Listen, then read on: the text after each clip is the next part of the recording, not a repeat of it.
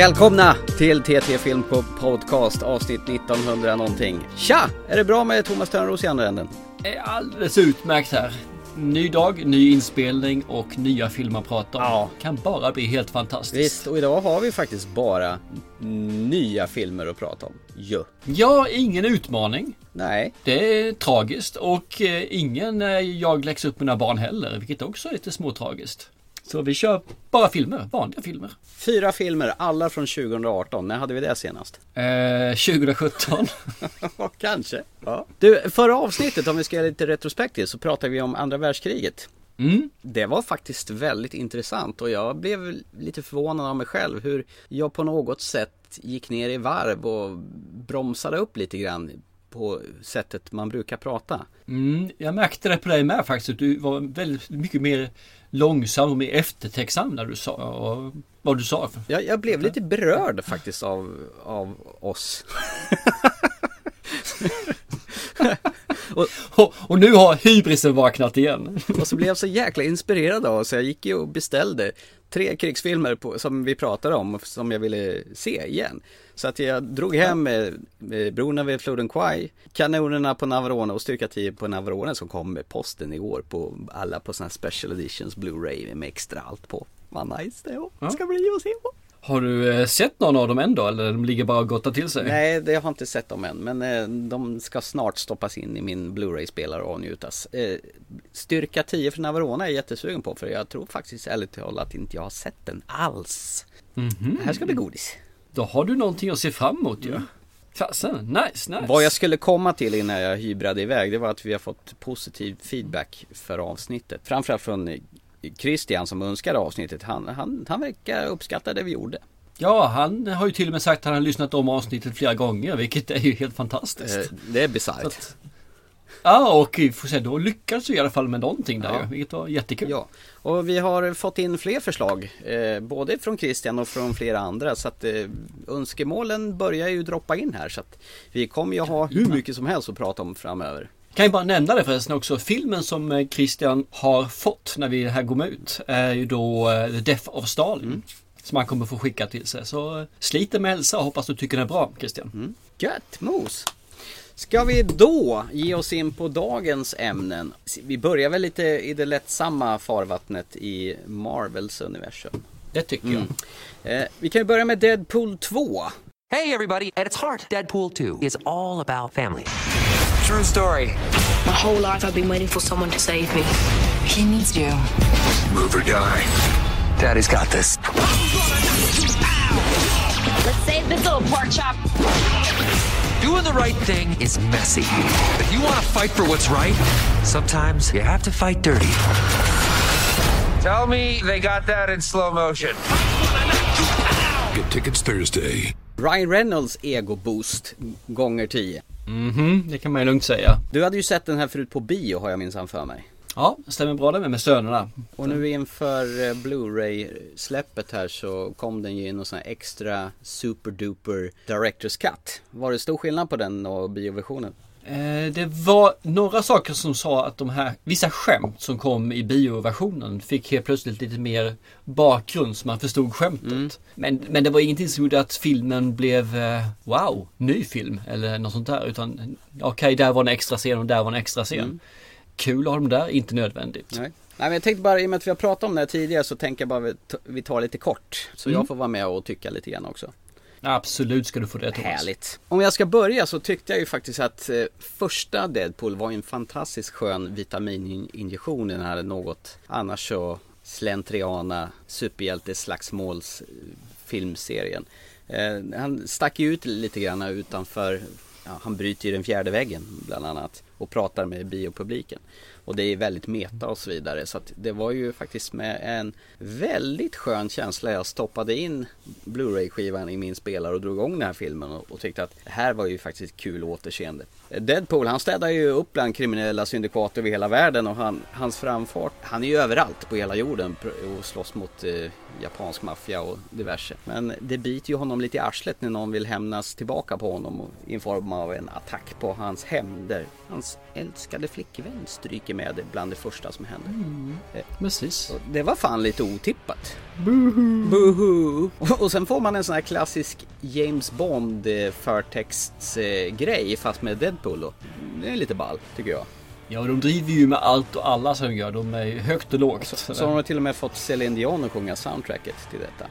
Men äh, ja, jag tycker det är kul i alla fall att de äh, hämtar överallt ifrån. Och han vågar ju verkligen att äh, bjuda på sig själv.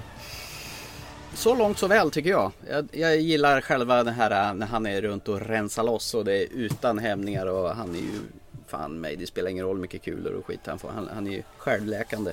Sen den här historien med att han ska rädda den här lilla knubbiga problemkillen från The Hunt from the Wild People. Har du sett den med Sam Neill? Nej, jag tror inte. en australiensisk film. När en sån här knubbig kille blir adopterad hos eh, Sam Neill och hans fru då. Sen trillar eh, Neills fru av då. Så blir den här sura Neill tvungen att ta hand om den här lilla knubbisen. Det är han. Den här, han som brinner i händerna. Fire Hands eller vad heter han? Fireball. Five Fist. Five Fist. Fist. Alltså den historien tycker jag är skitlökig. Att, han, att de ska... Det är det hela det går ut på. Är inte det lite grann första filmen också? Det finns ju egentligen ingen, ingen handling. Utan det är ju bara det saker som är staplade på varandra. Och, och det är det här jag tycker är problemet. Att första filmen, den var lite lågmäld ändå i det här staplandet. Men här så brassar man ju på med 100% mer av allt. Jag känner att man får en riktig jävla Deadpool-överdos här. Ja, men det var väl ungefär det jag sa också när vi diskuterade den efter biobesöket. Och sen har vi Josh Brolin som spelar han Cable. I guess dubstep never dies. There's nothing I can't kill. Som eh, känns som en eh, snarlik kusin till Thanos i Avengers Infinity War. Det är, han, det är ju det är Josh Brolin som spelar båda. Till och med de driver väl med också med Ja, ja, honom visst. och säga you famous guy eller något sånt där. Och sen har han till och med en sån här tidsresemanik som han har i, i Avengers Infinity War. Nej, om, om, jag, om jag får tycka så här så tycker jag den förra filmen var som en aptitretare bara för att stjäla dina uttryck så här. Men- Och det här var smörgåsbordet som man blev jättemätt och nästan lite kräkfärdig. För att citera filmen, när, eller för att citera min sambo, eh, hon satt också och tittade på det här. Då sa hon, var det här bra eller? Och så tittade jag på henne och sa, ja de säger att det ska vara bra det här. Sa jag. och, och så skrattade jag lite nervöst. Och jag kände själv, nej för fan vad jag trött jag är på det dataanimerade slagsmål som kastar varandra genom hus fram och tillbaka. Nej, jag tyckte inte det här var bra. Någonstans. Det var skit. Så nu är vi tillbaka i Marvel-draveln då Ja, alltså? det, det här var fan mig... Jag, jag, jag blev så jävla trött på Ryan Reynolds och Deadpool mot slutet så jag tänkte, men dö någon jävla gång då. Nej, det kommer väl en tredje film, såklart. Ja, det är ju annonserat en tredje film. Och sen de här cut-sequensen som är det bara en, det är två, det är tre, det tar fan aldrig slut på de här äh, eftertexterna börjar rulla lite grann så kommer en liten snutt och så rullar eftertexterna lite till så kommer en andra snutt och till och med en tredje snutt. Men det är ju Deadpool, han går ju alltid överstyr Ja, på allting. precis. Att, eh, Nej, på riktigt, jag blev skittrött på detta och jag, nej, jag, jag lägger ner Deadpool nu. Jag tänker inte se nummer tre. Fast jag tror att cutscenesen som är i slutet där, den tror jag faktiskt tilltalar de som har sett eh, även X-Men universumet och Wolverine. För den, eh, de flörtar ganska mycket där. Har du sett de filmerna också? Då tror jag att cutscenen blir mycket bättre. Ja, det flörtas ju ganska mycket också i filmen om eh, till och med det första som händer när han ligger på de här oljefaten. Så är han ju jättesur på Logan då att fan, han fick ju dö i sin film, varför kan inte jag få dö då? Så han har ju till och med någon sån här liten docka av honom i, eller någon leksak där, där Wolverine liksom blir mulad så.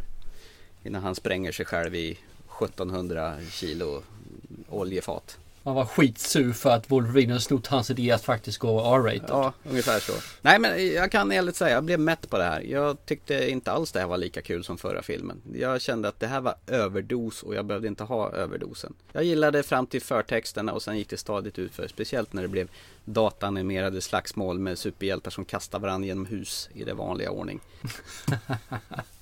Nej, men jag, kan, jag förstår vad du säger för någonting och jag kan till viss del hålla med också. Sen så tyckte inte jag det här var en superdålig film utan ja, det var en Deadpool-film så du säger extra allt. Lämna gärna någonstans där du inte kan hitta den medan du ser filmen i alla fall. What's left to say? These prayers aren't working anymore. Every word shut down in flames. Can beauty come out of ashes? Vi kan ju lika gärna fortsätta när vi rör sig i samma universum för att vi var ju och såg här i veckan på den senaste installationen i Marvels eh, goa universum då som en del tycker. Eh, och då, vad såg vi då? Då såg vi någon, en liten giftig film där. Ja. Venom. Yes! I'm Eddie Brock. I'm a reporter. I found something really bad. I'm hearing a voice. Eddie. I have been taken. What is that? What do you want from me? You'll find out. You have no idea how much you're scaring me right now. What the hell are you? We are Venom. Yes! Venom. Ha, har du sett, hört talas om Venom tidigare? Ja, alltså det första jag eh, kontakt med Venom jag, det är väl kanske den här Spider-Man 3 som Sam Raimi gjorde. Han gjorde ju en trilogi med Tobey Maguire och i tredje filmen så slåss väl Spider-Man mot Venom har jag för mig. Det är väl han och vem är det mer som... Är det inte två stycken bad guys där i den filmen? Jo, sen är inte den här Green... Venom och Sandman eller nej, kan inte han? Jo, det är väl. Och sen någon variant på Green Goblin. Så någon Yellow Bastard. Nej, fan nu är jag inne. Aha, just nu, Yellow Yellow Bastard. Det är ju för fan. Det är ju Sin City ju. Men det finns då Yellow Goblin, Green Goblin och Yellow Goblin. Yellow Goblin tror jag är hans son eller sådana saker. Så att Och Blue Goblin och Pink Goblin. Och... Ja, det är väl eh, hans systers nephews eh, rumskompis eh, katt. Ja. Nej men det var egentligen det enda faktiskt. Och sen tyck, såg jag de små snuttiga trailersen och tyckte att det här monstret såg ju kläggigt ut och det här kan ju bli något riktigt mörkt och härligt. Vilket är lite synd för de har ju faktiskt, tanken på den här var ju mer att de skulle göra den R-rated. Men den blev då PG-13 istället. Ja. Dock 15-årsgräns här i Sverige. Vilket faktiskt syns lite grann i filmen. Det är ju inte så slafsigt som det skulle kunna blivit. Nej, med tanke på att eh, det här Venom-monstret eh, säger ju öppet att han gillar att äta folk och käka upp folks huvuden. Så det var ju väldigt sparsmakat med sådana scener. Ja, och tanken var ju att det skulle bli R-rated från början. Men så gjorde man, eh, drog man tillbaka det för man ville kunna någon gång i en framtid korsa Venom med Spiderman. Mm. Så att det kommer säkerligen kanske en film då med Venom och Spiderman i samma och då är frågan om de ska vara på samma sida eller på motståndarsidan eller hur det blir för någonting. Själv då? Vad är, vad är din eh, uppväxt med detta då? Nej, Jag är ju sån här, det här är oftast Venom och Spiderman går ju hand i hand. Det är tv-serievärlden. Eller TV, tv-serietidningsvärlden. Ja. Eh, Jag har tyckt om eh, Spiderman på det viset. Men följde lite grann där under en period och då tyckte jag att Venom var väl en cool prick liksom. När Han började ju rätt så snällt och sen så blev han ju en bad guy, ja mer och mer bad guy efterhand. I alla fall den- den biten jag följde det. Men det har aldrig varit något fan för honom. Däremot så tänkte jag att när du sa Åh det här kan vara kul att se. Så tänkte jag, ja, men fan jag kan gå och se på det. För jag var inte taggad ett smack ska jag erkänna. Nej. Och jag, jag hoppades ju jag skulle få se lite slafs, lite krafs och en del vad man säga? En sån Slafs och eh, krafs! Ja, och, och, och sen det här eh, munhuggeriet som, som eh, blir mellan en människa och en, då en parasit som det här faktiskt är. Jag, jag, jag kan haka på tänkte jag liksom där. Och så får vi se vad det blir för någonting. Eh, I värsta fall så har man åtminstone fått en åktur på eh, två timmar. Det var enda jag hade på den. Det var egentligen du som drog iväg mig på filmen kan man Ja, säga. det är jättekonstigt faktiskt. Med tanke på att jag är ju avokt inställd till hela Marvel-universumet. Och gång på gång så får jag ju mer vatten på min kvarn. Eh, Men vad, vad, vad fick vi här då? Vad var storylinen i, i denna gång? Där Tom Hardy frontar som en envis frilansjournalist som heter Eddie Brock. Vi kan väl börja med första scenen i filmen egentligen. Det är När vi ser ett rymdskepp komma farande, tappar kontrollen och störtar i, på jorden då. Och i den här farkosten så finns det ju x antal behållare med samples och utomjordingar. Kläggiga saker, kletiga saker. Vila kläggigt. Symboiter Och det är första scenen egentligen. där. Och efter det får man ju då träffa Tom Hardy. Eller vad- heter han för någonting? Han heter väl Eddie. Eddie Brock heter han. Som är då en, eh, ja, en undersökande reporter som gillar väl att eh, ställa de här obekväma frågorna och gräva djupt efter all dirt som finns där. Och han får då ett uppdrag av sin kära chef att eh, då ta och intervjua en stor industrimagnat, Carlton Drake. Som då har eh, börjat med, eh, han bygger rymdskepp. Givetvis är det ju hans rymdskepp som har startat nu då ju. Och han ska göra allting för att mänskligheten ska få det bättre.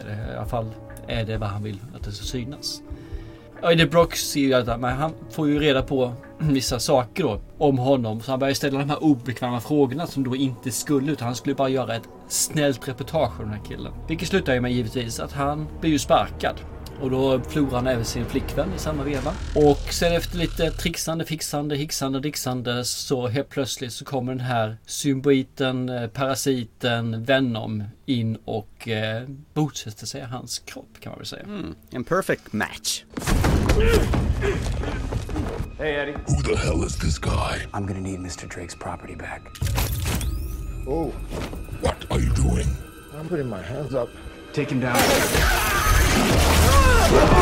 Outstanding. Now, let's bite all the heads off and pile them up in the corner. Why would we do that? Yes, och actionet kan börja. Punkt. Ja, det var en bra punkt där. Så långt så väl, tycker jag.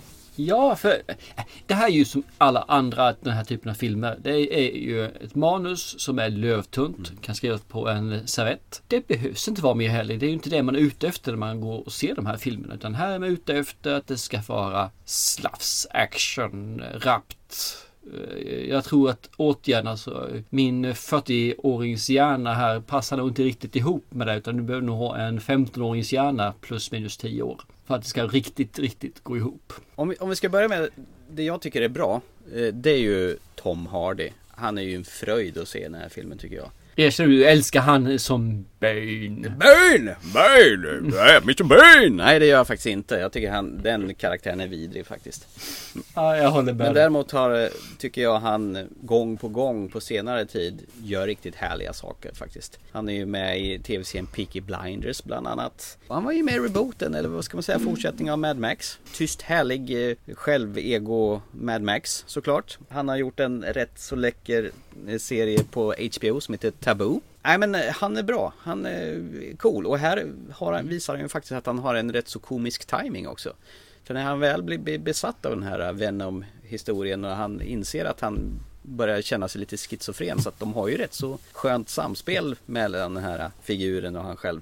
Det tycker jag är rätt ballt faktiskt. Det håller jag med om. Just det här samspelet är ju fantastiskt bra. Mm. Alltså, de, de integrerar. Och vet du hur de gjorde det faktiskt? Som jag tror att det, att det blev så pass bra som det blev. Nej. Det är att Tom Hardy innan han gjorde scenerna, spelade in de här scenerna, så spelade han in rösten till Venom. Han är ju rösten också. Aha, okej, han är båda. Då spelar han in, in sina repliker som Venom. Så när han sen kör filminspelningen så har han en, en, en hörlur i örat. En sån här nä- snäcka. Ja. Så han, då hör han sina egna repliker som Venom och sen så agerar han själv då som Tom, som Tom Hardy men eh, som, som sin karaktär då Eddie. Brock ja. Eddie Brock, precis. Jag glömde bort Ja. det. På det viset så blir det ju ett samtal istället för att han rapar upp sina repliker. Och det tror jag ju att det blir liksom lite, lite mer liv i det. Ja, ja, han får agera mot sig själv. Ja, precis. Och jag, jag tycker om det Men Det faktiskt. är rätt ballt. Han besitter fan mig en rätt så skön komisk timing här tycker jag. Nej men eh, mångfacetterad tycker jag att han är. Däremot så blir jag väldigt besviken på Michelle Williams som spelar hans flickvän. Jag, jag tycker hon är helt fenomenal i den här filmen Manchester by the Sea. Som jag vet du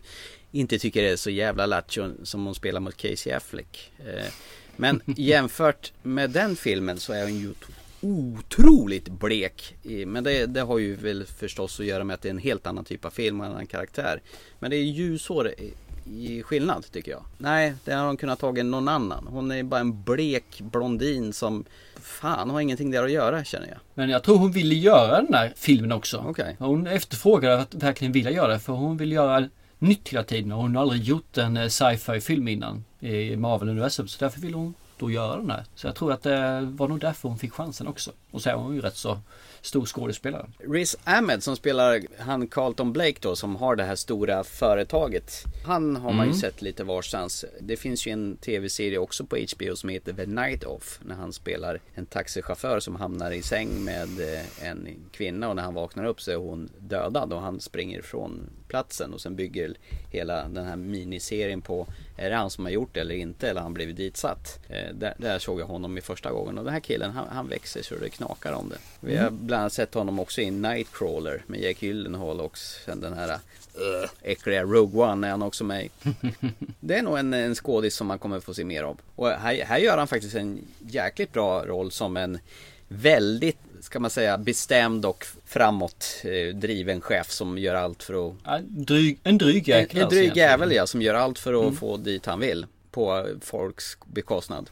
Jag satte mig i biosalongen och hade egentligen jättelåga förhoppningar ska jag erkänna. Och filmen började och det, det jag reflekterade över att det, att det var så lång intro. Det tog alltså jättelång tid innan filmen börjar. Äh, äh, Så jag menar, man blir presenterad, det här händer, vi testar för den här karaktären och så ska det byggas upp och det ska byggas ner och det ska byggas hit och det ska byggas dit. Ja. Innan själva filmen kommer igång och accelererar. Du menar när Venom gör sin entré där för första gången? Ja, precis. Ja. Och, och jag är en sån här som tycker oftast är bra att filmen tar tid på sig. Mm. Men då ska det ju vara en film där de bygger ett djup på karaktärerna, de bygger vidare i storyn. Här är det ju bara för att storyn ska börja och det känns som att men jag står och stampar vatten. Mm. Låt filmen gå igång. För sen när filmen går igång och som du säger då man har den här att de pratar med varandra, där han pratar med sin figur i huvudet då, Venom. Där är det ju fasansfullt kul alltså. Jag tycker ju det är underhållande värre. Alla de här sakerna, men det tar så lång tid. Då är det bättre liksom att köra igång med det. Fixa det med en gång. Men du kan alltid korta ner de här sakerna som de vill förklara och sen så kan de ha mer av eh, uppbyggnadsfasen mellan Venom och eh, Tom Hardy istället. Och sen så kommer då det här sista sjuhelsikes avslutningsfighten då som man kan bara säga varför måste de hålla på med det? Kan de inte göra en fight på två minuter någon gång utan det måste vara en halvtimme? Det tillhör väl tydligen Marvels universum att den sista slutstriden det ska vara bossigt som fan. Nu måste vi ha ihjäl bossen. Och det är som du säger, det ska hålla på i evigheters evigheter. Ja, det ger ingenting. Och till och med mina söner tycker ju att det är så här, där, där, där, där liksom. Det är ju inte det de tycker är bra med filmen. Min store son tyckte ju om liksom det här med kommentarerna, humorn i det hela och så lite våld då. Och det tyckte min lilleson också om. Framförallt då eh, humorn i det hela tyckte han om. Men det var ingen som nämnde, ingenting som sa någonting om de här slutscenerna, att den var maffig, att den var häftig eller sådana saker. Utan den är bara, jaha, okej. Så, så ingen, ingen hade saknat den tror jag. Nej, jag håller med där också. Men till skillnad från dig så gillar jag den här långsamma uppbyggnadsfasen. För då blir det lite mera så här surprise när väl Venom dyker upp. Och jag kan säga att jag gillar det bäst när man bara hör Venom och han inte syns. För när han kommer ut som en Mm. jävla dreglande jävla geléklump och man ser hur dataanimerat det är. Då, då tappar filmen mig på en gång. Och då känner jag, aha, nu är vi tillbaka i det här, den här Marvel-skiten, Avengers-skiten igen. Och sen ska det bara kastas monster hoppar på varandra och de rör sig som tv-spelsfigurer och där är jag totalt lost. Då känner jag, där dog den filmen. Nej, och, och så slänger de varandra genom väggar igen och sliter av varandra och, det- och det, är ingen, det är ingen som någonsin blir skadad vad som än händer. Det finns ju inga stakes i de här filmerna. Det är det som är så jävla tröttsamt. Ja, jag kan förstå vad du säger Mm. för någonting där. Så att eh, jag har nog bestämt mig för en sak. Eh, Ingen mer Marvel? nej, typ så. Just det. Men det har du redan sagt två gånger. Nej, men just det här att det hela tiden bygger vidare och bygger vidare. För nu har ju de väl satt det här att när man ser en Marvel-film då ska du sitta kvar och se post-credit-scenerna. Du ska, den ska gå de här vanliga förtexterna innan det börjar rulla så här. Utan du får se eh, Produced by och så vidare och sen har de någon Mm. fräck låt. Och sen när det väl är slut då får du se en scen till. Och sen kommer förtexterna så ska du vänta ända till slutet.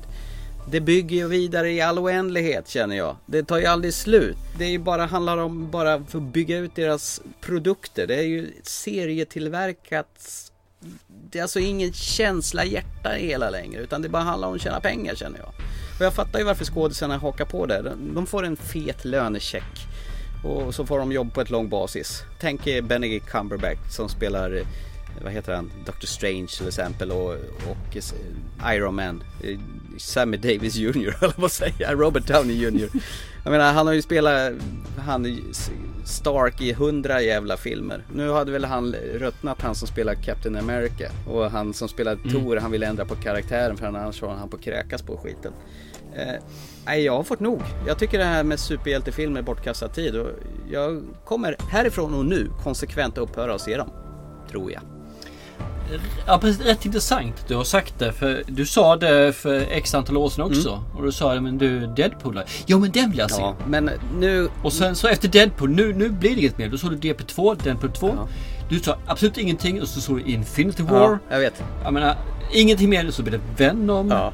Ingenting mer. Utan sen kommer ju då den här eh, brutta med lassot. Ja! Wonder Nej men Woman. hon är ett undantag. Ja. Hon är ett undantag. Sen jag på, hur många gånger ska du säga det här och ändå bryta? Du är ju som en knarkare och säger det här är sista silen Ja, men... idag. Ja, men nu tycker du inte jag är konsekvent på något vis? Eller? Det är ju du är väldigt konsekvent med att lova och bryta. Ja. Men, men nu, nu, nu är det fan slut alltså. Jag, jag tänker inte lägga ner fan en minut mer på det här jävla evighetssåpan alltså. Och vet du vad det värsta är? Det börjar bli samma sak med Star Wars också känner jag. Att det bara, det bara fortsätter och all oändlighet. Men det är klart, det är Disney som äger hela skiten. Och det sitter några feta jävla chefer där med, som bara sprutar ut pengar ur deras öron. Nej, nej jag... åh. It's, det är slut, jag gör slut med Marvel. Så ska jag tolka det här nu då? Ja. Så är den här filmen är inte värd att se för dig. Halva. Eh, innan det blir ett tv-spels eh, inferno som vanligt. Jag, jag tycker Tom Hardy är svinbra i den här. Han har lite, jag tittar ju på en tv-serie som heter Supernatural och de här bröderna Winchester som håller på att slåss mot vampyrer, varulvar och grejer. Och allt möjligt annat ohyra, demoner och skit. Han påminner om Gene Winchester, både i sättet att prata och sättet hur han, han ser ut och sättet han rör sig och så vidare. Så att eh, jag satt och mös med hans skådespel. Eh, jag gillar honom som skådis men jag ser hellre honom i någonting annat än en superhjältefilm faktiskt. För övrigt så, nej. Jag, jag tycker det, det här kan man nog hoppa. Eh, möjligtvis om man ser det på, på hemmavideo, tvn hemma kanske senare. Men eh, bio hade man kanske inte behöva sett detta på. Jag säger nog att det här är nog inte filmen som är dedikerad till oss. Nej. Utan den här är för en yngre publik. Och jag tror den yngre publiken tycker om den här. Eh, Mina söner tyckte faktiskt om det. Så att jag tror ju absolut det här är värt att se om du ligger i den kategorin. Vill du ha film som är lite lättsammare, vill ha faktiskt de här lite roa skämten. Sen så tycker jag det är synd att det inte blir R-rated utan den är nu då PG-13 istället. Där tilltalar och sen ska jag vilja erkänna att jag var ganska glad efter jag gick från bion. Alltså den hade fått mig att må lite bättre. Som film, nej det är inget mästerverk. Inte ens i Marvel-universumet är det ett mästerverk. Men det fick mig åtminstone att känna någonting. Jag var glad, uppsluppen efteråt. Jag kände liksom, ja men fasen, det är helt okej. Sen om det var filmen som gjorde det eller om det var bara för att man var där tillsammans med goda vänner och familj då. Det, låt det vara osagt. Men eh, jag tror att den här är värd, värd att se för de som tycker om den här typen av filmer. Alltså lättviktarfilm med action och inte har något problem med animationerna. Sen ska jag vilja erkänna att nej, jag tror inte den är värd 140 spänn bio. Det är en biofilm, mäktigt, ja, men den är inte värd pengarna. Utan det är bättre att ha den på en skiva och se den när den kommer ut då lite senare. Mm. Om vi ska dra det till ytterligheterna då. Vi har ju pratat om två stycken Marvel-filmer av eh, olika mått här nu. Om vi ställer Deadpool 2 i ena ringhalvan och Venom i andra ringhalvan. Vilken av filmerna tycker du var bäst?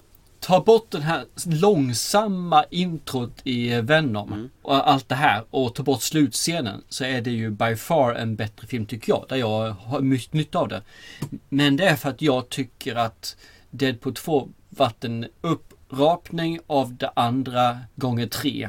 Det, det är som en Nutella-pizza ungefär det här. Ja, vad skönt Och- att du håller med om det. Det är som min beskrivning av första filmen var en aptitretare och det här var ett, ett smörgåsbord som blev äckligt mätt på. Ja, lite grann så är det faktiskt. Sen så tycker inte jag Deadpool är en dålig film. Eh, Deadpool 2, det är ingen dålig film. Det är bara att eh, för mig blir det för mycket alltså. Det, det är väl det som är risken att när man ska göra en uppföljare då ska man braka på allting 17 gånger mer bara för att, att tro att publiken vill ha mer av samma vara. Men man, man behöver inte liksom få folk bli psyksjuka is, istället. Men så är det alltid när man gör tvåan. Det, man, man, det man inte förstår där i tvåan är ju att mer är inte alltid bättre. Ibland kan faktiskt less is more. Man behöver bara titta på vad är det man tyckte var roligt med ettan. Det som var roligt med ettan i Deadpool i här fallet var ju inte att man brassade loss med 720 stycken saker som staplas på varandra. Utan det som var bra i ettan var att de gjorde det med måtta. Det var det som var kul. Så det blir liksom en grej istället för att bli där en gång, två gånger, tre, fyra, sjutton, 783 gånger. Utan det blir, räcker med fem gånger. Mm. Ja, jag vet inte. Jag har inte så mycket mer att säga om det här. För jag har ju lagt ner Marvel-tittandet. Det har jag ju lovat nu. Ja, yeah, right. Så att, eh, men eh, jag förstår det.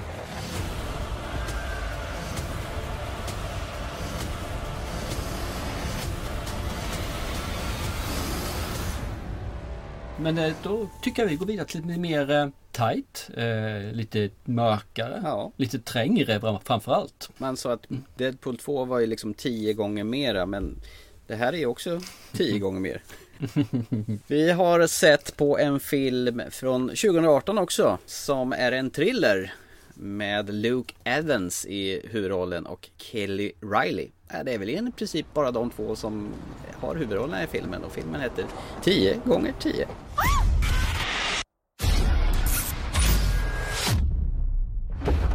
I want you to listen to me very carefully. These are four foot thick concrete walls. There is no point screaming. I've been watching you for months. And I know a lot about you. This is only gonna end one way. Jaha, vad är det här nu då? Vilket jag egentligen tycker att det ska heta 3 gånger 3 när den kom till Europa. Det hade varit mycket bättre faktiskt. Då hade man förstått den. 3 gånger 3 För 10 gånger 10 är ju egentligen ytan som den här personen då som blir kidnappad är på. Det är så 10 fot åt ena hållet, 10 fot åt andra hållet. Det blir fel. Och det är ju 3 meter och 3 meter cirkus istället. Ja. Så det hade varit bättre tycker ja. jag. Det hade folk fattat. Precis. Luke Evans. Han ser nästan ut som han i Pirates of Caribbean tycker jag. Han som mm. och Orlando Bloom. Han är lite snarlik honom mm. tycker jag. Väldigt lik i den här rollen. För ja, säga. faktiskt. Du får dra storylinen för den. Vi möter Louis. Han är en vanlig kille som smyger på, på Kathy. Kathy är en sån där religiös tjej som hon går på yoga. Hon eh, håller på med mindfulness och så vidare och han, han håller på att köra efter henne och eh, rätt, rätt vad det är så smyger han på henne på en parkeringsplats utanför när hon har varit och tränat och drar på såna här kattstrypare kring hennes handleder och eh, sätter silvertejp på hennes mun och så tar han med sig henne hem och kastar in henne i ett litet, litet ljudisolerat rum som han har inrett i sitt hem eh, med vadderade såna här kuddar så ingen ska höra henne skrika. Och initialt så känns han jävligt psycho och som en värsta sån här seriemördar, kidnappar, dumhuvud. Och man vet inte varför han har slängt in henne i själva det här lilla trånga utrymmet i sitt hem. Och det är väl egentligen själva premissen med filmen initialt. Du ska inte veta varför. Nej, Precis. Nej. Jag tycker nog inte man ska berätta mer än så. Du gjorde det riktigt tajt och fint. Ja, vad härligt. Vad fick du för känsla av det här då? Först och främst så ska jag säga att du har pluspoäng på mina söner. Mm. I alla fall bara min största son. När du säger kattstrypare istället för buntband. Okej. ja, buntband för de som inte vet vad kattstrypare är. Mm. Eh, börjar, jag tycker det börjar väldigt... Eh, och så första introt när han tar henne där så känns det ju, vad är det här för tolle? Liksom, vad gör han? Har han planerat det här länge och så gör han dessa omställningar som han gör det liksom. Mm. Man blir introducerad liksom i en, den här cellen när han lyfter in henne och det, det liksom, man fattar inte. Vad är det som händer? Är han en vanlig kidnappare? Är han inte det? För han, är han en vanlig kidnappare så är han ju jävligt klump. Då skulle nästan vara en komedi. Mm. Men han har ju ett mål med det här och han är ju väldigt single-minded. Han skar. Det första han ställer frågan till henne är ju Vad heter du? Mm. Och hon talar om vad hon heter för någonting och han bara skakar på huvudet och går, därifrån. Och man fattar inte vem han är, varför han är och vad han håller på med. Och man förstår inte riktigt heller varför hon är där hon är. Nej. Sen har jag ju sett trailern på det här så man får ju, jag har ju fått lite ledtrådar. Ja, okej. Jag ska vilja känna, har du inte sett trailern på den här filmen och är sugen att se den efter vi har pratat om den så ser ingen trailer för den ger bort lite för mycket tycker jag. Mm, det är väl som vanligt med trailers och jag visste absolut ingenting av den här filmen och jag blev Jag kan säga det rakt upp och ner att jag blev chockad med hans råa behandling av henne. Slänger in henne i bakluckan, drar på några kattstrypare på händerna och fötterna och in med henne i rummet och bara stänger till där.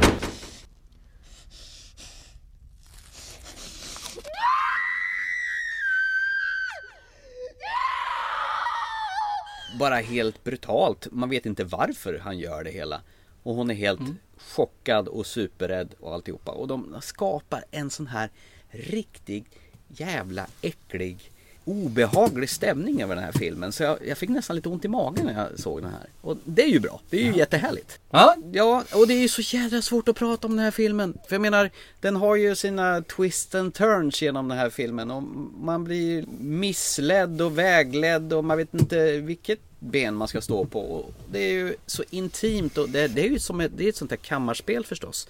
Som vi gillar. När det är på ett, egentligen bara en och samma plats. Få karaktärer. Fast de gör det med verkligen engagemang och inlevelse. Jag, jag tycker det är, jag måste säga, jag tycker det här var skitbra. Ja, jag, jag, jag älskar det här också så sett. Det det är ju ett hur säger, jag, kammarspel med två stycken rum egentligen. Ett är det här lilla rummet och ett är resten av hans hus som bara är, består av ett rum till verkar det som. Och eh, jag tycker också om det när det blir väldigt eh, tight. Det är väldigt eh, ensligt, det känns lite klaustrofobiskt. Man vet inte riktigt. Det finns inget utanför egentligen i den här filmen. Nej. Eh, Väldigt liten och tight värld. Och därför blir jag lite förvånad när den bara fått 4,9 på IMDB den här faktiskt. Ja, det är jättemärkligt. Och varför i hela friden är den bara släppt på DVD hos eh, Universal? Jag, menar, jag har väl sett sämre skit som har släppts på Blu-ray. Och jag hade ju gärna sett den här i en högupplöst släppt film. Det enda som jag kan eh, opponera mig från hela filmen egentligen och det är ju som vanligt slut. ja, jo det är sant. Det kan väl. Det, jag, jag, det var som jag sa när jag hade sett den så att de gjorde verkligen det sämsta slutet de kunde komma på. Det finns säkert färre slut som man kan göra på det här men det var det sämsta de kunde komma på åtminstone kan jag tänka mig. Det är så jävla tragiskt när man bygger upp en film, pang, en steg i taget, ett steg, två steg, tre steg och det blir liksom man känner nu, nu, nu och sen bara massakrerar de hela upplägget på filmen på det här viset. Men kan du glömma de här sista kvarten? Ja, Som vanligt. Kvart, faktiskt.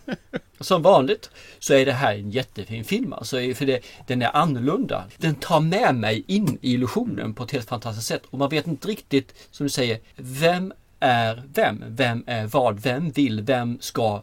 Varför? Mm. När? Hur? Och de här frågorna nystas och kringelikrokas hela tiden fram och tillbaka. Nej, jag tycker verkligen om den. Jag, och sen tycker jag han, eh, Luke Evans gör ju en fantastisk rollprestation också. Ja jävlar vad bra han är. Både han och eh, Kelly Riley är ju svinbra. Jag, jag kom på mig själv när jag satt i soffan och skrek till mig själv. Fan det här är ju skitbra! jag menar, när gjorde jag det sist? Bara helt schizofren prata med mig själv. Det är ju stört. Och, och det här med blodiga naglar. Åh fy fan vad äckligt det är. Fy fan vad äckligt det är. Uh, jag, bara, jag ryser i hela kroppen. Blodiga naglar, du vet vad jag menar. Blodiga naglar? Mm, blodiga naglar. Krafs, krafs. Förklara. Krafs, krafs. Eh, den får du nog förklara mer om jag ska förstå. Ja, ja, off the record nu klipper jag bort det här. Ja, jag, jag tror du menar jag tror du menar generellt alltså, blodiga naglar. Jag vet inte vad jag mer ska säga utan det här var en oväntad slag i magen. Jävlar vad spännande det här är och nervpirrande. Jag, jag satt och studsade i soffan när jag såg den här. Och det är länge sedan jag gjorde kan jag säga. Coolt. Ja, det var kul att höra. jag. Så, vem passar filmen för och vem ska inte se den då? Det är nog eh, alla som har eh, klaustrofobiska skräck som inte gillar trånga utrymmen kanske. Sådana som kanske vill ha allting serverat från början och veta upplägget. För det här är en sån här nysta upp medan du upplever filmen historia. Som är gjort på ett jävligt smart vis. Eh, gillar du inte sånt och vill ha det alldeles för enkelt och transparent, då är det här ingen film för dig. Men vill du ha en liten pärla som eh, gör, som kryper under skinnet och jävligt obehaglig och väldigt spännande, då är det ju filmen för dig.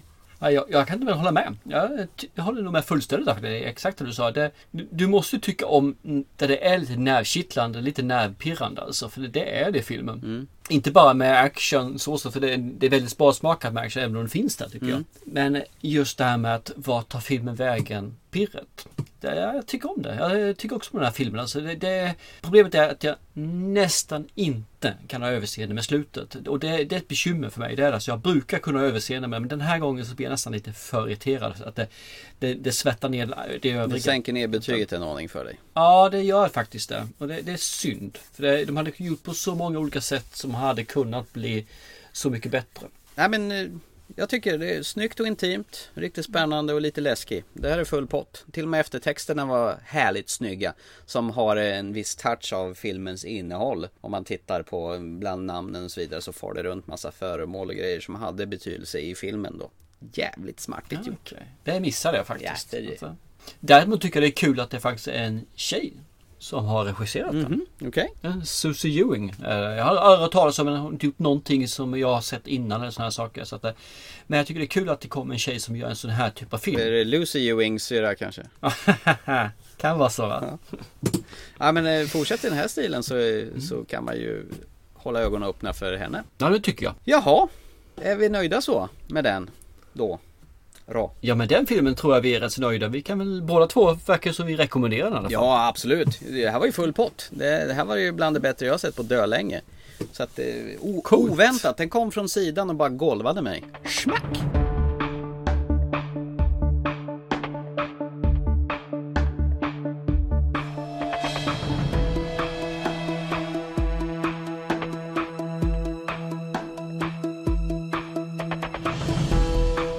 Så du blir nästan lite gal, insane, galen alltså. Insane. Sjuk. Ja, den här filmen, den här har vi ju försökt att se under en bra tid och vi har nästan glömt bort att vi skulle prata om den här filmen. Normalt sett så brukar vi ju prata om filmer som vi ser på bio, som vi får eh, recensionsex att titta på. Men i det här fallet släpptes inte den här filmen på varken Blu-ray, DVD utan bara på VOD eh, direkt och digitalt köp via, i det här fallet, via Play. Den här filmen heter Unsane och har Claire Foy i huvudrollen. Do you still see your stalker everywhere? I never feel safe. What am I doing in here? It would be better for everyone if you just do as I ask. There's been some kind of mistake. I am being held here against my will. It's him! My stalker, he's here. He's got himself a job in the hospital. No, I'm telling you the truth. Fantasy and reality are two different things. Or maybe it's all in my head.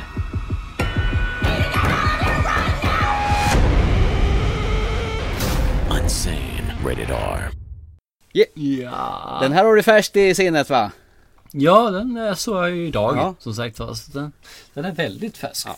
Vad härligt. Ja, vad händer då när eh, fröken, eh, fan heter hon? Sawyer Valentine, jävla skumt namn hon har. Ja visst har det. Sawyer tror hon går över i stort sett hela filmen. Mm. Ja, vem eller vad är det här för film egentligen? Ja, vi har då Sawyer.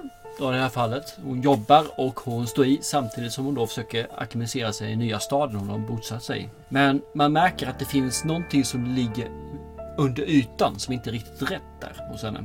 För när hon dejtar sin första kille så menar hon på du, jag ikväll kan allting hända. Imorgon vill jag du aldrig mer ringer mig mer. Och när hon ska då gå till steg nummer två i det här så flippar hon totalt ut och stänger in sig på toaletten. Så där fattar man, okej, någonting är något hon brottas med. Och hon insåg att hon behöver ju prata med någon så hon söker ju hjälp hos en eh, kurator som pratar med henne. Och hon säger ja okej då, skriv på de här papperna och det här så är bara vanligt formulär. Och sen så kan vi köra igång här med eh, att behandla dig. Tyvärr skrev hon ju på ett papper som gör att hon eh, blev inskriven på det här sjukhuset. Och det är väl egentligen det som filmen handlar om här. Hon anser att hon är ju inte sjuk. Men de andra säger jo men du, vi måste utvärdera dig så du inte är en fara för dig själv och andra. Den här filmen är gjord av Steven Soderbergh. Han är ju mest känd för, för de här Oceans Eleven och Erin Brockovich, eh, Sex, Lugner och videoband och Traffic. Så det här är egentligen första gången han gör någonting som påminner om en thriller, skräckis någonting åt det hållet. Med Claire Foy i huvudrollen. Hon är ju jag älskade ju henne i The Crown där hon spelar prinsessan eller drottning Margaret. Nej, Elisabeth heter hon. Margaret, Nej, Elisabeth ja, ja. Margaret är syrran. Det var hon som var med i Mission Impossible förresten. Det här är ju en väldigt, väldigt, väldigt liten, liten film eh, som eh, Steven Soderbergh har gjort. Och vet, vet, du vad? Han har faktiskt filmat in hela filmen på en iPhone 7. Ja, just det. Alltså med, eh, i 4K har han spelat och han har använt en app som heter Filmic Pro. Man tänker det när man ser filmen från början att den är ju ingen sån här full widescreen film. Man märker att färgsättningarna är inte så här digital film som en jättedyr film eller 16 mm någonting. Så man ser ju att den är gjord på ett annorlunda sätt. Eh, och scenerna är ju väldigt statiska. Du ser en scen och byter scen. Det är inte så att det rör sig speciellt mycket utan de är ju fasta. Det är ju som förr i tiden. Man ställde en, en kamera på ett ställe och så filmar man scenen på ett fast. Det är inte så här mycket att det åker. Det finns ju mm. några sådana här rör, rörande dolly, vad, vad ska man säga? dollyåkningar när det rör sig. Och då hade han faktiskt en, en sån här, det, det finns en sån här handhållen eh, grunka som man sätter mobiltelefonen i som ser till att eh, den eh, stabiliserar rörelser. Det, det, är ett handhållet mm. stativ. Och den kan man tydligen åka upp i 75 km i timmen utan att den skakar. Jag kollade faktiskt på Dustin, en sån grunka kostar 8000 spänn att köpa. Så det är väl en, en del av budgeten till den här filmen. Den kostade endast 1,2 miljoner att spela in den här filmen och man gjorde det på löjliga 10 dagar. Spelade man in den här filmen. Så att eh, snabbt inspelat. Ja, det, det, behövs nog också som sagt som det utspelar sig under en ganska kort period. Och som sagt de här rörliga bilderna, då, då satt Steven Soderbergh i en rullstol och höll i det här eh, handhållna stativet som påminner om en sån här selfie-stick för att få kameraåkningarna. Jag tycker ju om det här med kreativiteten liksom. Sen så det är väl att köra med en iPhone 7 känns ju lite väl eh, pretentiös ja. ska man säga. Men, men, men, det känns ju väldigt lågbudget allting. Även musiken i filmen känns ju väldigt så här. Någon har suttit hemma på sin eh, kammare och dragit ihop någon sån här syntig slinga i någon sån här enkelt musikprogram. Så allting känns så jävla avskalat. Fast det var någonting jag faktiskt kunde störa mig på ibland. Mm. De här musiken, den var lite väl, eh, väl påträngande. Kände jag i vissa fall. I, och i andra fall tyckte jag den var jättebra. Men för att gå tillbaka till filmen. Det var sådana tekniska detaljer som jag snöade in på. Jag, jag, tycker det är rätt så läckert att man... Att, jag tror han ville visa att du kan faktiskt göra en lång film med en jätteliten budget. Du kan använda en mobilkamera med ett litet stativ och få ihop en schysst film i alla fall. Och Claire Foy som spelar Sawyer, hon är ju faktiskt helt makalös bra i den här filmen också tycker jag. Snacka om vilket brett register den skådespelaren har när hon nu väl sitter in, inlåst på den här kliniken där, där de bara vill henne väl som, som de säger. Mm -hmm. jag, jag blir golvad av hennes skådespel. Jag tycker hon är helt fem, fenomenal. Hon är på gränsen i vissa fall att spela över. Tycker du det? Tycker jag. Ja, det finns vissa tillfällen där som man känner liksom att nu brer hon på kanske lite väl mycket. Ja. Eh, hon, hon klarar sig. Hon ligger på rätt sida om gränsen, gör hon alltså. Ja. Men hon är farligt nära ibland, alltså det tycker jag. Mm. Men eh, nej, det är ju en fantastisk film. Alltså det är ju verkligen, de har ju lyckats göra någonting med små medel. Mm. Och de gör en film som jag faktiskt tycker återigen lätt hade klarat sig upp på en, en biovisning. Alltså. Ja, ja visst, absolut. Jag hade gärna sett det på bio. För det är återigen, de skapar en skitäcklig klaustrofobisk stämning här och man verkligen känner med hennes hopplöshet att vad jag än gör så sitter jag fast här inne. Eh, för hon blir så jäkla motarbetad.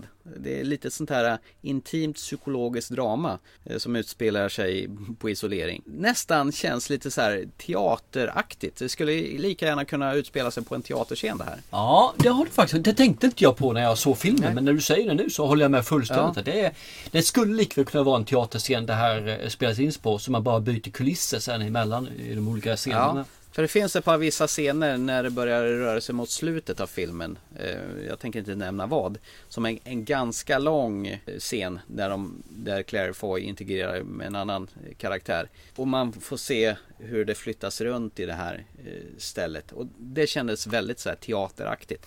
Och jag satt och njöt av allra högsta grad och tycker att det här var ett läckert sätt att spela in film på. Det är liksom inte suveränt ljud. Det, den är full med alltså de här äh, ljudbrister, bildbrister. Men själva skaparglädjen är ju så påtaglig så det gör liksom ingenting.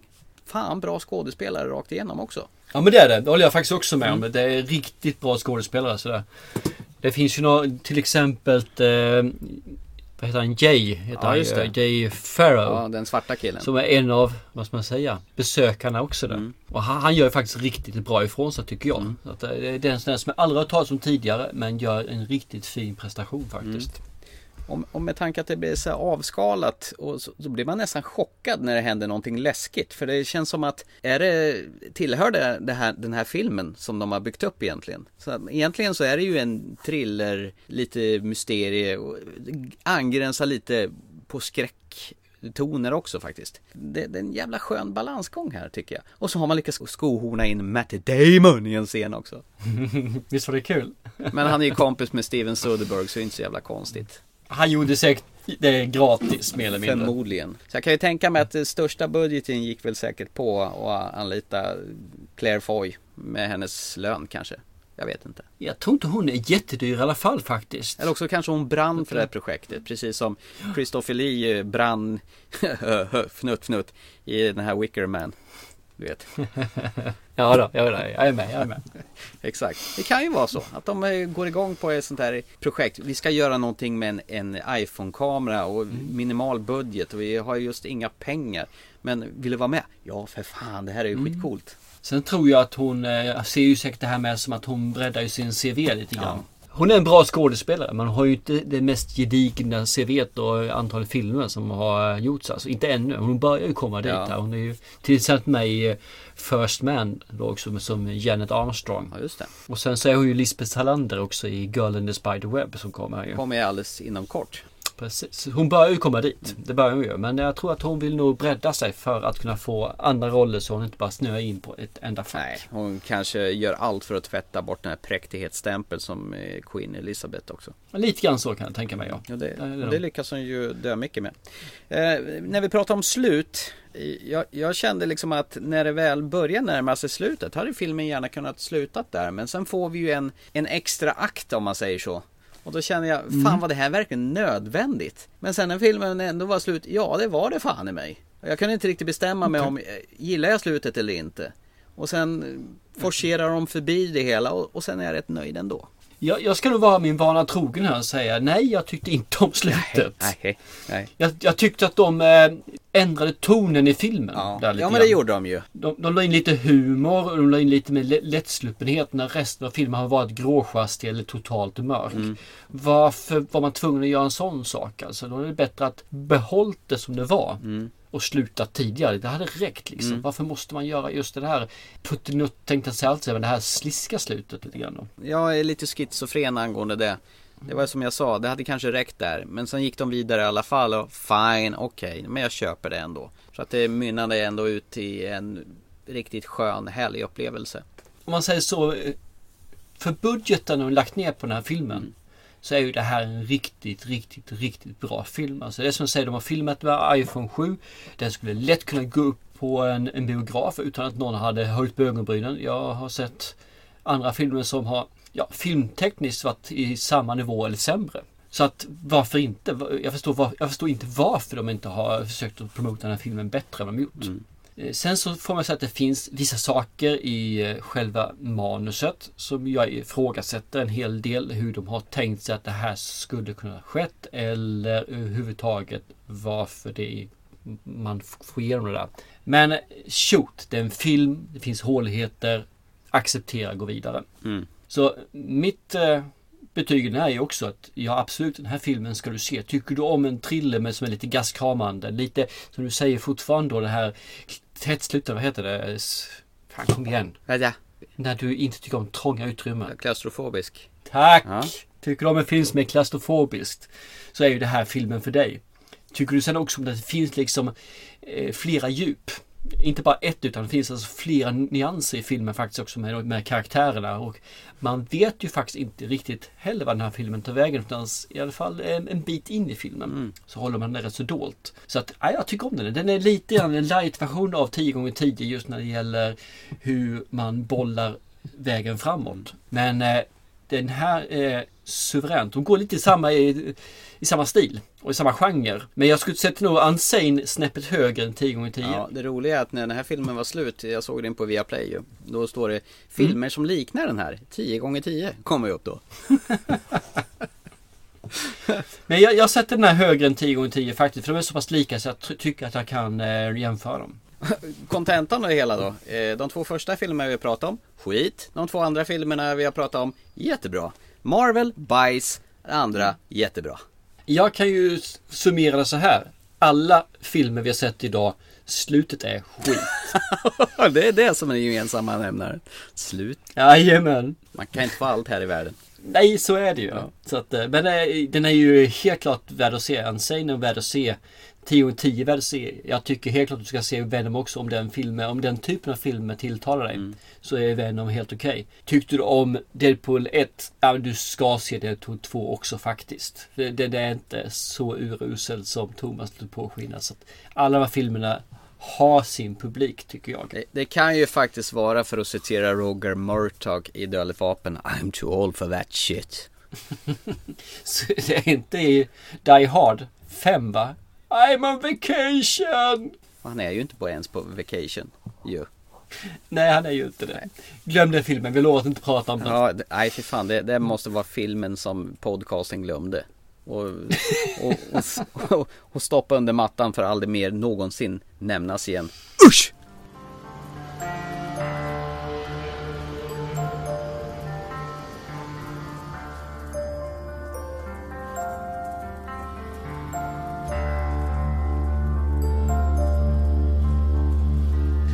Då har vi egentligen bara två saker kvar. Två saker Innan kvar. vi eh, tar och trycker på off-knappen och eh, går och lägger oss. Jaha, vad kan det vara då? Eh, första är kvar, jag vill ha en utmaning. Ja! Du är skyldig mig en utmaning. I owe, Du I owe. är det. Jag kräver, jag begär. Oj, oj, oj. Det är så ingen fråga där, utan ge den till mig nu, här, med en gång. Okej, Mm. det är spännande. Ja, du fick ju aldrig någon av mig förra gången. Eh, när, jag, när jag fick din eh, plåtburks undervattens eh, tysk eh, psy- psykopat thriller Das Boot. Som inte var, alls var så dålig som jag trodde. Så jag har ju hunnit fundera en stund. Men egentligen har jag inte funderat utan den här är bara legat och vilat på att du ska få den. Till en mörk, regnig natt Ja. ska jag ge den här till min kära poddkollega. Alltså. Ja, precis. Och det är ju precis exakt så du ska se den här filmen. En mörk, regnig natt när du släcker ner totalt och vred på ljudet lite grann. Den svenska titeln hade jag faktiskt aldrig hört på den här filmen. Eh, Du får ju som vanligt gamla filmer av mig och här får du en till. Filmen är från 1977 och på svenska, jag hade ingen aning, heter den Flykten från helvetet. Aldrig hört. Okej. Men alla skräckfilmsfantaster eh, vet vad Suspiria är, eller Suspiria är, av Dario Argento. Ah. Ja, vi pratade ju om den här för en tid sedan och, och jag blev helt förvånad över att du inte har sett den här, tyckte jag du sa då. Nej. Mm, jo, det sa jag då. Och det kommer ju en, en amerikansk remake av den här filmen ganska snart. Så vad passar inte Mm. bättre att eh, grotta ner sig i originalet från 1977. Där Dario Argento, han som är, var kungen av sån här giallo eh, skräckfilms eh, mysteriekladdfilmer regisserar den här. Där Jessica Harper har huvudrollen och en bland massa italienska dubbade, dåligt dubbade skådespelare. Med ett jättemärkligt soundtrack av en sån här syntgrupp som heter Goblin som gjorde alla hans filmer. Den, den ska du få bita i. Suspiria. Varsågod. Det var ju jättetrevligt för jag vill ju se Suspiria fast jag vill se den som kommer i år. Ja, Ja, men du får se originalet först. ja den, den var ju... Tack. Ja, en timme och 38 minuter, det är inte så farligt. Ser verkligen fram emot att se den från 2018. Ja, jag förstår det. Men det här är ju, det här är ju en, alltså en kultklassiker. Så den här eh, tillhör ju f- filmhistorien och du som cineast bör ju ha den på ditt CV. Ja, jag får bita det sura äpplet också för att titta på den här då. Och- 1977 års film. Ja, vad lycklig du lät. Ja, jag, jag är lite inte jättelycklig ska jag erkänna. jag, jag är lite rädd för att om jag ser den här filmen så kan jag inte uppskatta den, den nya filmen sen. Ja, jag, jag, tror nog att de kommer vara rätt så skilda åt tror jag. Jag har en känsla av det mm. faktiskt. Okej, okay, ja men då eh, hoppas vi på det mesta. Som sagt, jag, det är klart att se på den säger jag. Jag har ju inte mycket att välja Nej, du, du har ingenting att välja på. Men jag ska dock Nej. säga att på IMDB så ligger den faktiskt på 7,5 av 10. Mm. den, alltså det... originalet alltså, klassiken från eh, 77. Ja, men det får ta rätt på den, alltså helt klart. Du, du, du vet om att du ligger hela tiden på 70-talet när du gör filmen till mig nu? Jag är ju född på det eh, år, årtiondet. Ja, men vadå? Mm. Kan du inte ge mig åtminstone en som kommer från 90-talet någon gång? Ja, efter den kommer solsken eller efter Efter kommer Arbogaöl eller vad säger man? Inte vet jag. You never know. Kanske, ah. kanske om 200 avsnitt då kanske vi har landat på 90-talet. Ja precis. Nej men det är helt okej. Okay. Det är klart jag ser den här. Jag, jag är ju väldigt pepp på den eh, nyinspelningen. Så att, eh, ja varför inte? Då kan jag jämföra dem sen också. Ja, tänkte det. När kommer nyinspelningen, vet du det? Mm, det är nog ganska snart faktiskt om jag ska vara ärlig.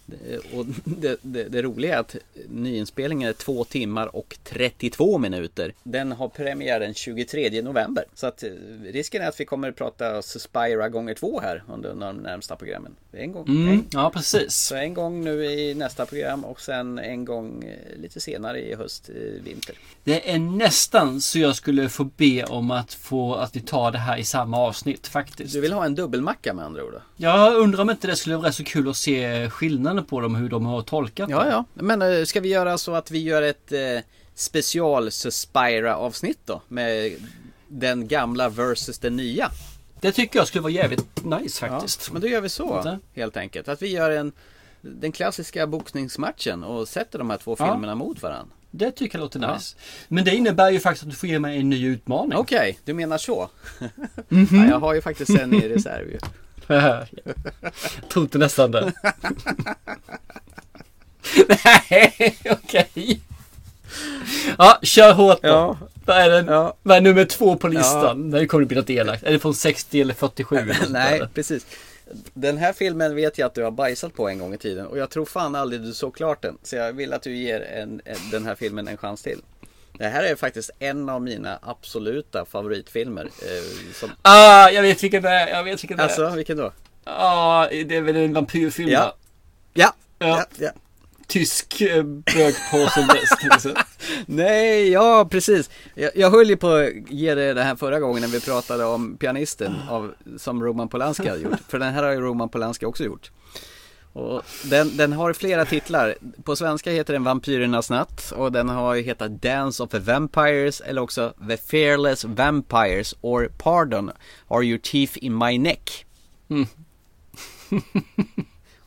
Du har helt rätt. Jag såg eh, en liten bit i den här och sen tänkte jag vad FN är det här ja, för någonting? Så nu... Varför ska jag lägga ner tid på sånt här? Och, det, och den här filmen är ännu äldre, den är från 1967 Hasse Lilja, du blir överlycklig Jag vet, jag vet Men eh, fan, den här filmen måste du faktiskt se i sin helhet Den här, den här filmen har burit med mig ända sedan jag var alldeles för liten för att se sådana här filmer och tyckte den var helt fantastisk Eh, där du dessutom okay. får se Sharon Tate, hon som blev mördad av, eh, det var ju faktiskt Roman Polanskis fru, tror jag.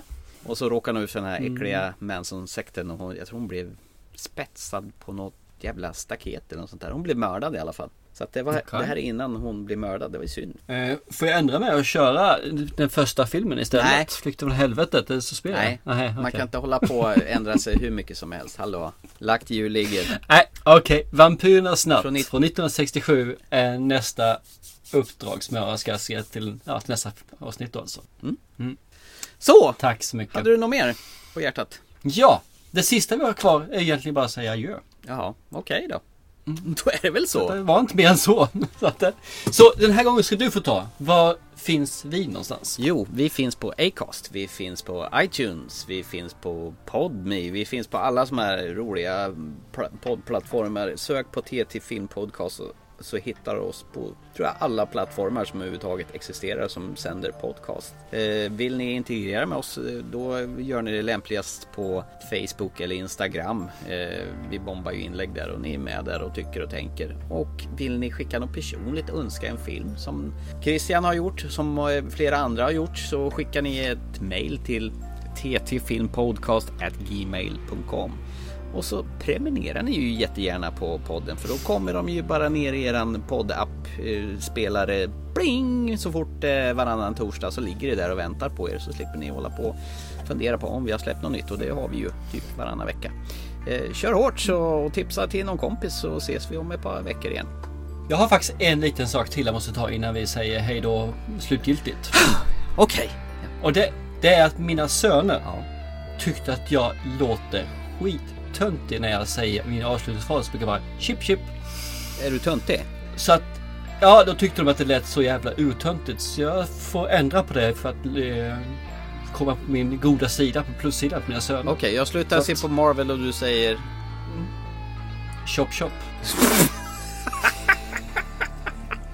Men det kan du inte säga. Chop Chop det är ju för fan en sån här eh, kine- vad heter det, asiatisk franchise som säljer asiatisk mat ju. Oh, du menar att vi kommer bestämma? Det är ju produktplacering ju. Attans! Vi säger bara Hej då! Hej då!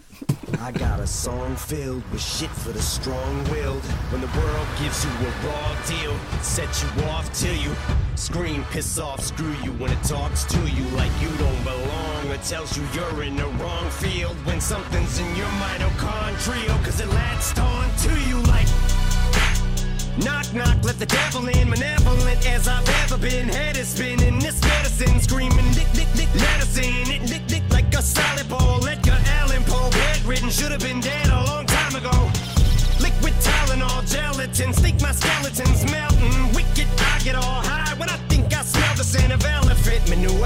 Kahlua. Screw it to hell with it. I went through hell with accelerants and blew up my, my, myself again. Volkswagen, tailspin. Bucket matches my pale skin. Melwin went from Hellman's and being rail thin.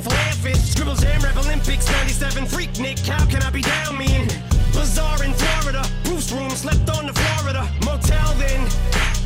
Dr. Dre said, hell yeah, and I got it stamped like a postcard, word the mailman. And I know they're gonna hate, but I don't care. I barely can wait to hit him with the snare and the bass square in the face. This fucking world better prepare to get laced because they're gonna taste my venom. I got that adrenaline in 'em, in not knowing when I'm never gonna slow up in 'em. Ready to snap any momentum, thinking it's time to go get 'em. They ain't gonna know what hit 'em when, they get beat with the venom.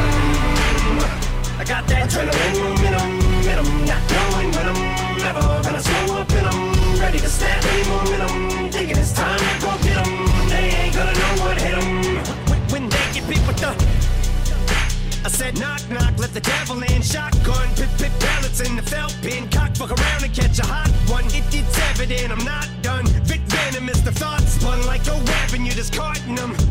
Against your will like a hubcap or a mud flat. Beat strangler attack. So this ain't gonna feel like a love tap. Eat painkiller pills, fuck a blood track like what's her name's at the wheel. Then a cup patch through the car in the reverse at the Indian nut crash in India. The back of it just mangled steel. My Mustang and the Jeep Wrangler the grill with the front smashed. Much as my rear fender assassin. Slim be a combination of an actual kamikaze and Gandhi. Translation, I will Probably kill us both when I end up back in India. You ain't gonna be able to tell what the fuck's happened in India when you're bit with the adrenaline. In them, in them, not going when I'm gonna slow up in them. When they get bit with the